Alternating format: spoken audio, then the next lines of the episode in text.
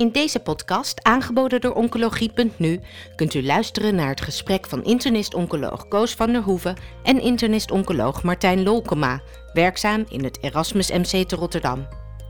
Aan bod komen de laatste ontwikkelingen met betrekking tot de behandeling van prostaatcarcinoom, gepresenteerd tijdens de ASCO 2021 Virtual. ASCO 2021 prostaatkanker en testiskanker. Daarover ga ik praten met dokter Martijn Lolkema. Hij is internist-oncoloog in het Erasmus MC. Uh, specialisatie is de urologische oncologie en daarbinnen weer vooral prostaatkanker. Maar hij is ook heel erg betrokken en actief binnen de CBCT en de DRUP en de moleculaire diagnostiek. Welkom Martijn.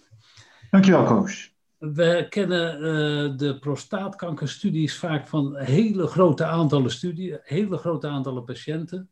En die studies die heel erg lang geduurd hebben, maar daar hebben we er niet zoveel van. Ik wil dus beginnen met iets wat we niet iedere dag horen, en dat is het lutetium PSMA. Want daar werd een studie gepresenteerd die nu als volwassen fase 3 studie is afgerond. Kan je iets vertellen over de studie? Nou, Koos, dat was natuurlijk een uh, hele interessante eh, studie. Daar zijn uh, heel veel mensen al heel lang op aan het wachten. En dat is de studie waarbij er nu eindelijk eens een keer is gerandomiseerd voor de behandeling met lutetium PSMA. Nou, de behandeling is eigenlijk een, eerste echte soort van radioligand therapie, waarbij je een stofje hebt wat aan de tumorcel bindt. En aan dat stofje zit een radioactief stofje, in dit geval een beta-emitter lutetium en uh, daarmee probeer je dan de kankercellen dood te maken. Nou, dat is heel effectief bij neuroendocrine tumoren. Daar is ook uh, recent, een paar jaar geleden, een mooie fase 3-studie van gepubliceerd. En nu dan bij prostaatkanker eenzelfde soort compound. Uh, de randomisatie was standard of care versus standard of care plus lutetium PSMA. En het was eigenlijk een populatie van patiënten die eerder antihormonale therapie en eerder chemotherapie had, had gehad. Um, en die mensen die werden één op één gerandomiseerd tussen dan wel de standard of care. Nou ja, in ieder geval, daar kunnen we straks nog even over discussiëren. Wat dat betekent, standard of care. Maar in ieder geval, wat zij noemen standard of care versus standard of care plus mutation PSMA. En dat is natuurlijk een hele positieve studie geworden. Ik, je hebt die data gezien. En ik denk dat voor de luisteraars die het nog niet gezien hebben, het is een hele positieve studie. Uh, eh, 40% minder kans op uh, overlijden of progressie als je in de experimentele arm zat ten opzichte van die standard of care. En ook al een overall survival benefit wat werd gezien. Dus, dus dat is heel mooi. En een progressievrije overlevingswinst van, van, van 3,4 die naar 8,7 maanden ging.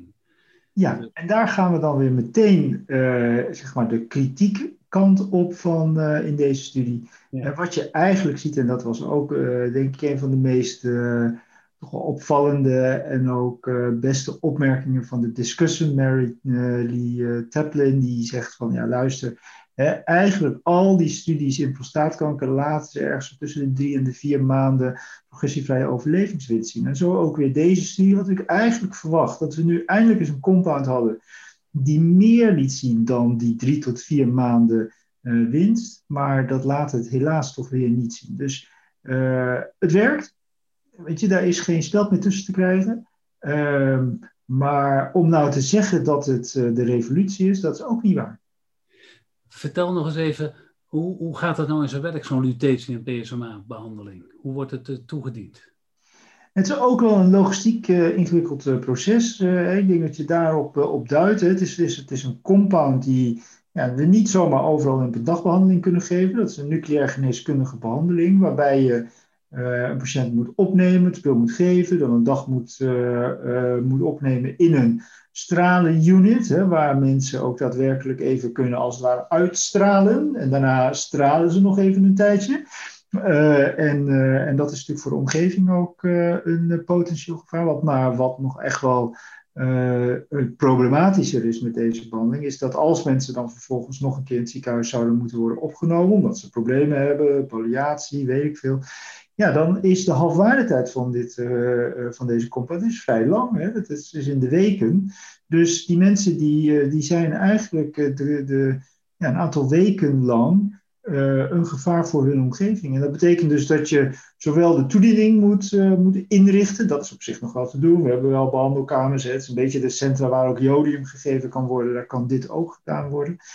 Uh, maar het gaat natuurlijk wel capaciteit kosten, dat is één. En het tweede is, de centra die dat doen, die moeten ook een logistiek inrichten voor het geval dit soort mensen op een SEH komen. Want die kunnen niet zomaar tussen de rest van de patiënten door. Want dat is, uh, dat is toch een staalhygiëne probleem. Je zou er eigenlijk bij de selectie van de patiënten wel een klein beetje rekening moeten houden. Dat infuus, dat is maar kort, dat gaat gemakkelijk.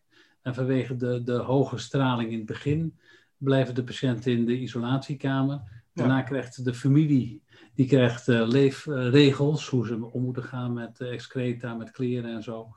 Dus het is wel wat ingewikkelder en als ze heropgenomen moeten worden, is het ook een probleem. Maar uh, vijf maanden winst in progressievrije overleving, dat is toch een, een, een, getal wat we niet in veel oncologische studies tegenkomen. Ja, maar Koos, je moet wel beseffen dat, zeg maar, de, de, en dat is precies waarom die uh, Mary Tapton het ook zei, hè, die progressievrije overlevingswinst in prostaatkanker, die moet je net iets anders interpreteren. Want de progressie bij prostaatkanker is eigenlijk niet goed te meten. En daar hebben we de, de PCWG voor. Uh, het is niet voor niks dat daarin staat dat je 2 plus 2 moet hebben, twee nieuwe botlesies en dan de volgende scan weer twee nieuwe botlesies. En dat betekent dat voordat je radiographic progression-free survival eindpunten haalt, ben je minimaal twee botscans verder. En dat is minimaal 16 weken. Dus, dus dus daar waar als je in een gewone studie in een uh, progressievrije overleving op resist uh, na zes weken uh, je eerste scan hebt, heb je hier je eerste mogelijkheid om progressie zijn pas na, na 16 weken. Ja. Hoe interpreteer jij de studie? Nou, ik denk dat even, het is ontegenzeggelijk bewijs dat lutetium PSMA 617 is, effectief, is een effectief antikankermiddel. Ja. Ik denk dat het de verkeerde comparator had. dus, dus eigenlijk zou je het moeten vergelijken met cabazitaxel, want dat was eigenlijk de setting waarin het gegeven werd. We weten uit de CARD-studie en uit andere studies dat dat gewoon effectieve therapie is. Die had ook die drie tot vier maanden uh, progressievrije overlevingswinst. Um, dus dus, dus het, of het echt beter is dan wat we nu doen, uh, dat kun je nog niet zeggen. Dus het is voor die mensen die uitbehandeld zijn, is het zeker een, optie. Uh, als het beschikbaar komt in Nederland, en dat zal ook nog wel even duren, maar goed, even, dus, puur het wetenschappelijke argument is, het is effectief, maar niet helemaal goed vergeleken, zodat we het meteen vroeg in de behandeling kunnen inzetten.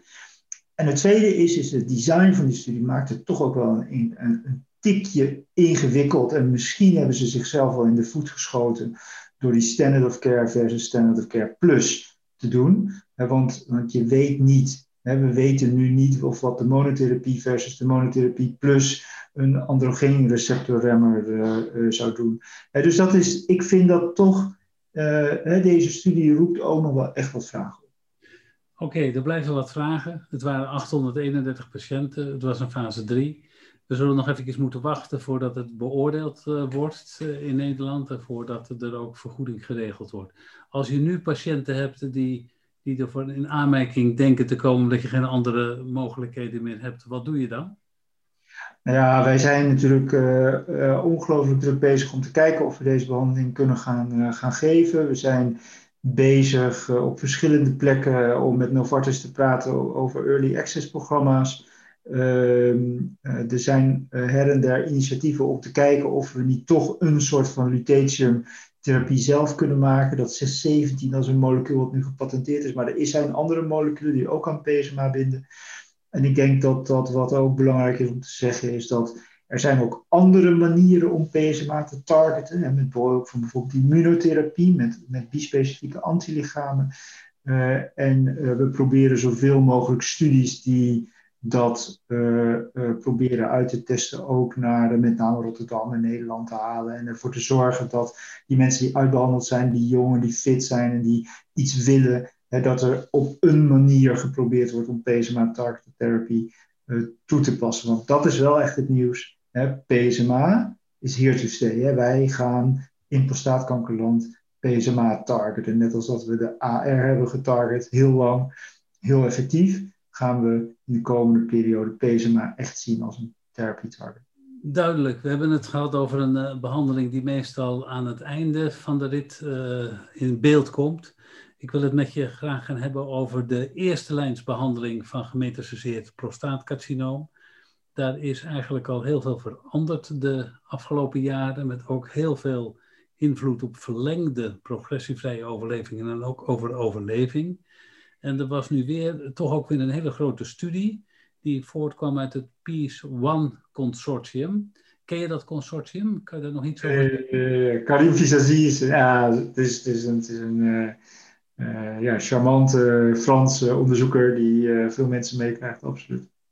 Oké, maar wat die, uh, die gedaan heeft, die heeft een fase 3-studie gedaan, maar misschien dat je dat zelf toe wil lichten, waarbij de ene groep de standard of care kreeg, maar daar mag je dan iets over zeggen, en de andere groep die kreeg er gelijk vanaf het begin abiraterone bij. Ja, ja het, is, uh, het is grappig. Hè? De Fransen die lopen een klein beetje achter de Engelsen aan. Vroeger had je, nou dat weet jij ook nog wel, uh, Koos, uh, de 2x2 factorial design studies uit Engeland. Daar gingen we 5FU en uh, oxaliplatin en, en cisplatin bij maagcarcinoom en zo vergelijken. Het idee is natuurlijk dat je twee variabelen kunt uitzoeken wat de invloed daarvan is. Dat maakt het altijd wel wat ingewikkeld te interpreteren studies, want ja, daar worden allerlei statistische trucjes mee gedaan. En eigenlijk zou je liever zien dat er gewoon met je A versus B gedaan wordt. Maar goed, dit is het design, daar moeten we het mee doen. De 2x2 factorial design was eigenlijk bedoeld om te kijken of abiraterone aan de ene kant wat kon doen in die vroege setting, versus de radiotherapie op de prostaat, hè, wat we nu ook uit de Stampede en uit de Nederlandse studie kennen als zijnde een optie voor de laag uh, uh, initieel gemetastaseerde prostaatkankerpatiënten. Nou, deze studie die laat wel een hele indrukwekkende winst zien. Een indrukwekkende winst in wederom RPFS, wat in dit geval wel echt een interessant en, laten we zeggen, relevant eindpunt is. Um, zeker als je het hebt over die uh, castratie-naïeve, castratie-sensitieve setting uh, waar we het dan over hebben. Die winst is ongelooflijk. 2,5 jaar. 2,5 jaar langer leven mensen als, of hebben ze geen progressie, als ze uh, abiraterone toevoegen aan de standard of care. Nou ja, hoe positief kan je het krijgen? Weet je, je had het over vier maanden, dat zien we niet vaak, maar 2,5 jaar, dat zien we echt bijna. Dat is echt heel erg indrukwekkend. Dat is echt extreem indrukwekkend. Nou, het enige is, er is nog geen overall survival. En het andere is, ja, we hebben toch te maken met een studie die uh, een hele complexe opzet kent. Uh, en die ook uh, in de loop van de tijd, dat het geaccrued is, dat, we, dat er allerlei veranderingen zijn opgetreden. Hè. Gedurende de studie is doosdoxel toegevoegd aan het, aan het design als zijnde een standaard behandeling. Waardoor we eigenlijk nog niet zo goed weten welke groepen nou precies in die studie hebben gezeten. Want om, de, de, zeg maar, om het echt goed te begrijpen moeten we de paper hebben. Want er, zal, er zal een categorie in de studie zitten die laag volume had, maar die toch docetaxel heeft gekregen. Wat we eigenlijk, in, eigenlijk niet zouden doen in, in, in de normale setting. er zal een groep in zitten die in de comparator arm die alleen ADT heeft gekregen in het beginstadium van de studie. Die telt natuurlijk mee, die maakt dat die verschillen zo groot worden. Um, dus het is een complex te interpreteren studie. Laat onverlet, 2,5 jaar is heel erg lang. Ja, veel patiënten, meer dan duizend patiënten. En, um, maar de studie twee keer uh, ge, gemandateerd of ge, geamendeerd. Dus dat was veranderd, maar wel hele grote verschillen. Maar stratificatie is niet het sterkste punt, want eigenlijk zit alles door elkaar in deze studie. Als je nou zelf, ja, die, die mensen met een primair gemetastaseerd prostaatcarcinoom, die zien internist-oncologen niet altijd. Maar eigenlijk zou je op basis van, van, van deze studie, zou die mensen en moeten bestralen, en chemotherapie moeten geven, en abiraterone en prednison moeten geven. Zou je dat... oh, oh, oh. Bestralen, dat weten we nog niet. Hè? Want uh, die analyse is nog niet gedaan. En eigenlijk wat hij laat zien in de presentatie is dat hè, deze, deze verschillen ongeacht uh, radiotherapie zijn. Dus dat weten we nog niet. Hè? Of, en dat is wel een hele belangrijke vraag. Want wij doen natuurlijk nu met name die radiotherapie voor die laagvolumeziekte toepassen. ik denk dat, dat, dat, dat, dat deze studie laat zien dat die patiënten, die vroege gemetastaseerde patiënten, die moeten eigenlijk gewoon bij een internist-oncoloog uiteindelijk terechtkomen. want, want zowel ABI als uh, geven, deze hele uh, behandeling uh, managen, is iets wat, waarvan, waarvan ik gewoon denk dat we dat uh, ja, dat dat wel complex wordt voor de gemiddelde uroloog om daar, uh, daarmee aan de gang te blijven. Okay. Maar goed, de toevoeging van abiraterone, dat weten we natuurlijk al in het begin. Dat kan een heleboel uitmaken op de, de progressievrije overleving en ook op de totale overleving. En dat wordt door deze studie nog eens bevestigd. En of je dan alles iedere keer aan iedere patiënt moet geven, daar moeten we denk ik nog eens goed over nadenken. Nou ja, dat suggereert deze studie natuurlijk wel. En weet je, dat is natuurlijk, het probleem met dit soort studies is natuurlijk altijd dat ze uh, de weg vooruit zoeken, wat goed is. Hè, maar die weg vooruit die, uh, gaat ook uh, gepaard met significante kosten, zowel financieel als voor de patiënt. en daar moeten we ook echt wel bij stil blijven staan dat we goed effectief kijken naar, naar wat kost zo'n behandeling nou. Nogmaals, zowel op het front van de kosten voor de samenleving als op het front van uh, de, de, de, de, de toxiciteiten die we mensen aandoen. Ik wilde met je over naar een ander onderwerp, maar je noemde al de aandacht die er voor het hele lichaam moet zijn. Met het idee dat een internist-oncoloog dat misschien beter doet dan een uroloog, maar een goede uroloog kan dat ook hoor, denk ik. Ja, een goede uroloog kan het ook, absoluut. Uh, we spraken al over de, het PEACE Consortium. En het PEACE Consortium heeft ook de PEACE 3-studie gedaan. Waarbij uh, patiënten naast uh, enzalutamide in de castratie-refractaire setting gemetastaseerd ook zes kuren radium kregen. En ehm, ja, daar werd over gerapporteerd. Over de kans dat die mensen skeletproblemen kregen, dat ze fracturen kregen. En eh, kan je daar iets over zeggen, over die studie? Want ik, wat was eigenlijk de, het nut van de radium-223 in deze studie? Ja, dit is een studie die uh, een aantal jaren geleden al opgezet in, in, in, de, in de aloude oncologische uh, historie passend.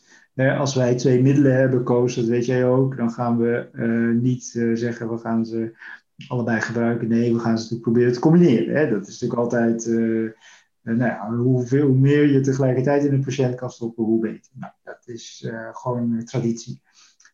Um, de eerste analyses van die studie lieten eigenlijk hele vervelende bijwerkingen zien. Er werden heel veel fracturen gezien.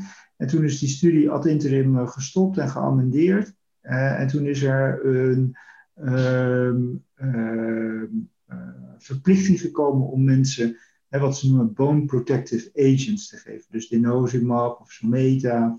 Um, om uh, die fracturen te voorkomen. Wat ze vandaag hebben laten zien is een soort van update van die eerste, uh, nou wat waren het, 200, 300 patiënten die uh, gerandomiseerd zijn.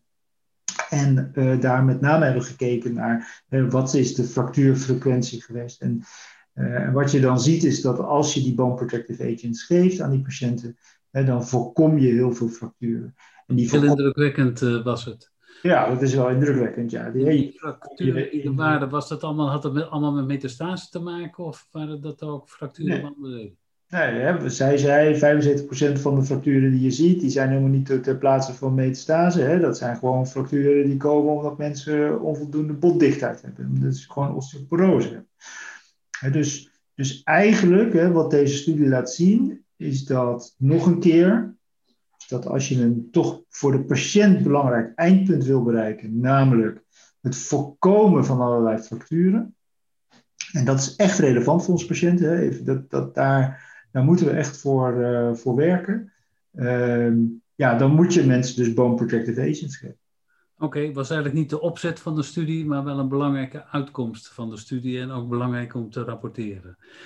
Martijn, tijdens de hele uh, ASCO was er aandacht voor gelijkheid en ongelijkheid in de wereld, ook op het gebied van kanker.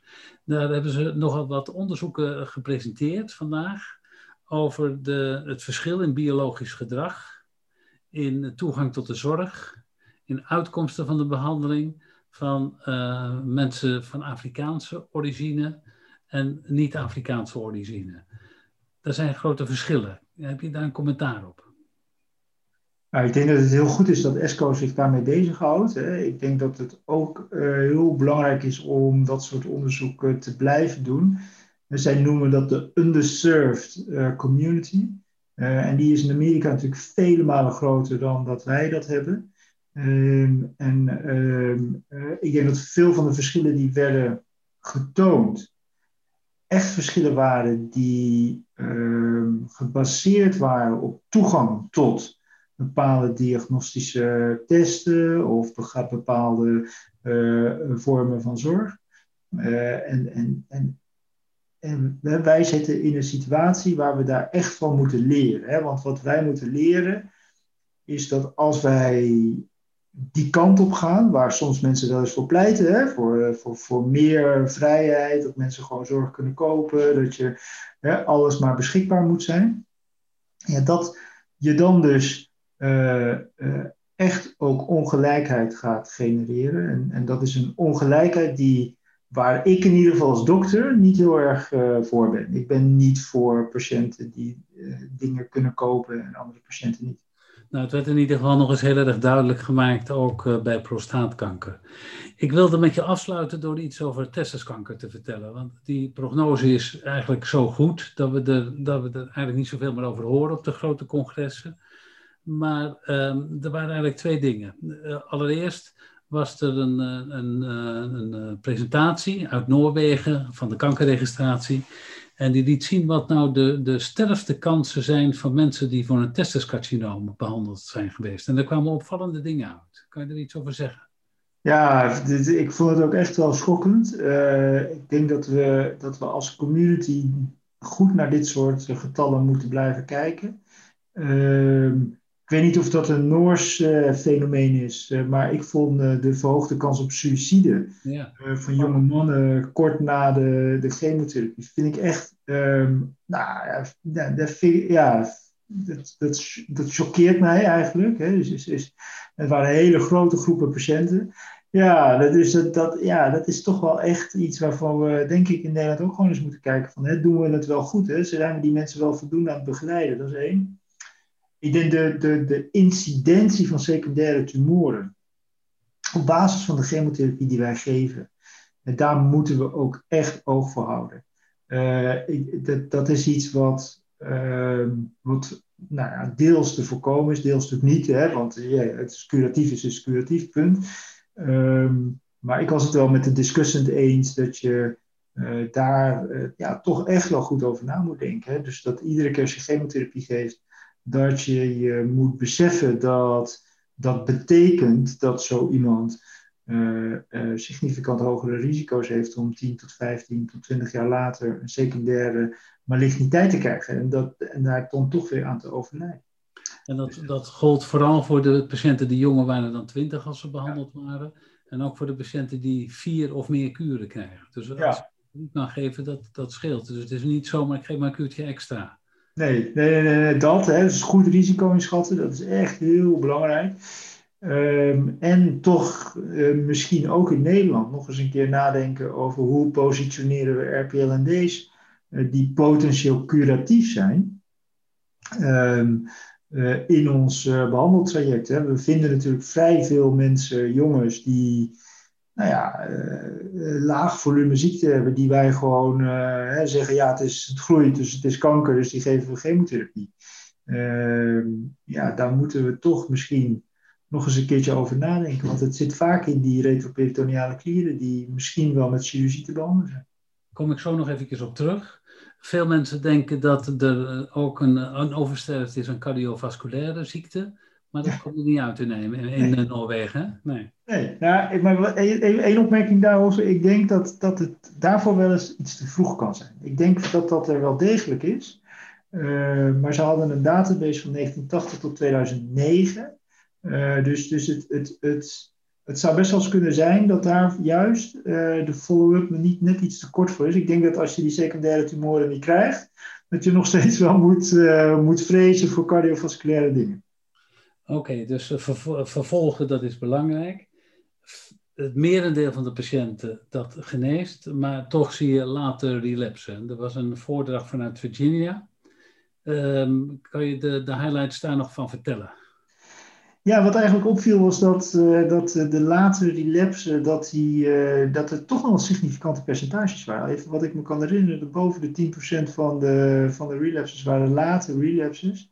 Uh, en die laat was gedefinieerd als na vijf jaar. Nee, na twee jaar. Na twee jaar hebben ze het gedefinieerd. Ja, na twee jaar. Nou goed, oké. Okay, in ieder geval. Maar dit is, het, ik vind het toch, toch best wel veel. En ja, zij pleiten er dan voor om levenslang te, te vervolgen. Ja, dat is wat veel vind ik. Uh, maar, uh, maar het is zeker belangrijk om uh, je te blijven realiseren dat als je mensen eenmaal behandeld hebt, hè, dat ze dan, of dat ze, dat, ze, dat, dat ze lokale tumor hebben gerecenseerd hebben gekregen, dat ze dan ja, levenslang eigenlijk een verhoogd risico ook op relapse hebben. Dus het is een groep. Als de patiënten een relapse hadden, dan kan je natuurlijk ook weer het hele therapeutisch arsenaal nemen uh, maakt uit of je chemo-naïef bent of dat je het al eerder gehad hebt. Hoe was het met patiënten die al chemotherapie gehad hebben en een recidief kregen? Ja, dat is natuurlijk dat is heel slecht. Hè? Dus, het zijn helemaal chemoresistente tumoren. Hè? Zij zeiden ook vaak teratomen. Ze hadden ook al wat NGS gedaan en geen targetable mutation, mutations gevonden. Dus ik, dat is een hele sombere groep. Hè? En, en, en ik denk ook dat we, um, nou ja, deels ook wel moeten accepteren dat, uh, dat dat zo is. En dat die mensen, dat we die ook niet gaan redden door ze bijvoorbeeld heel intensief te vervolgen. Hè. Dus dat, dat, maar ik vind de conclusie niet zo zoeken. Opvallend was dat die patiënten die het dan wel goed deden, die hadden een vorm van chirurgie gekregen in de, in de challenge ik vond ze wel een beetje gebiased richting chirurgie. Maar, het was misschien wel een chirurg die het verteld heeft. Ja, dus uh, dat is op zich. Uh, maar, en dat is natuurlijk ook zo. Weet je. je moet natuurlijk gewoon die recidive moet je behandelen met, uh, met chirurgie. Um, maar ik denk dat even die, de, er zit ook een stukje gevaar van overinterpretatie in. Ik denk dat we ons moeten realiseren dat de recidieven ook later recidieven kunnen zijn. Maar dat het niet altijd zo is dat we die mensen ook echt kunnen redden met de behandelingen die we geven. Ja, dus, dus dat nou ja, de richtlijnen voor nu, denk ik, gewoon adequaat zijn. Oké, okay, nou we hebben toch weer een hoop besproken. Wil je nog het laatste woord hebben, Martijn? Uh, nee hoor, dat laat ik heel graag aan jou. Uh, ja, nou, heel hartelijk danken voor deze toelichting. En graag tot de volgende keer. Dankjewel. Dank je. Bent u geïnteresseerd in meer podcasts? Deze zijn te vinden op de website oncologie.nu.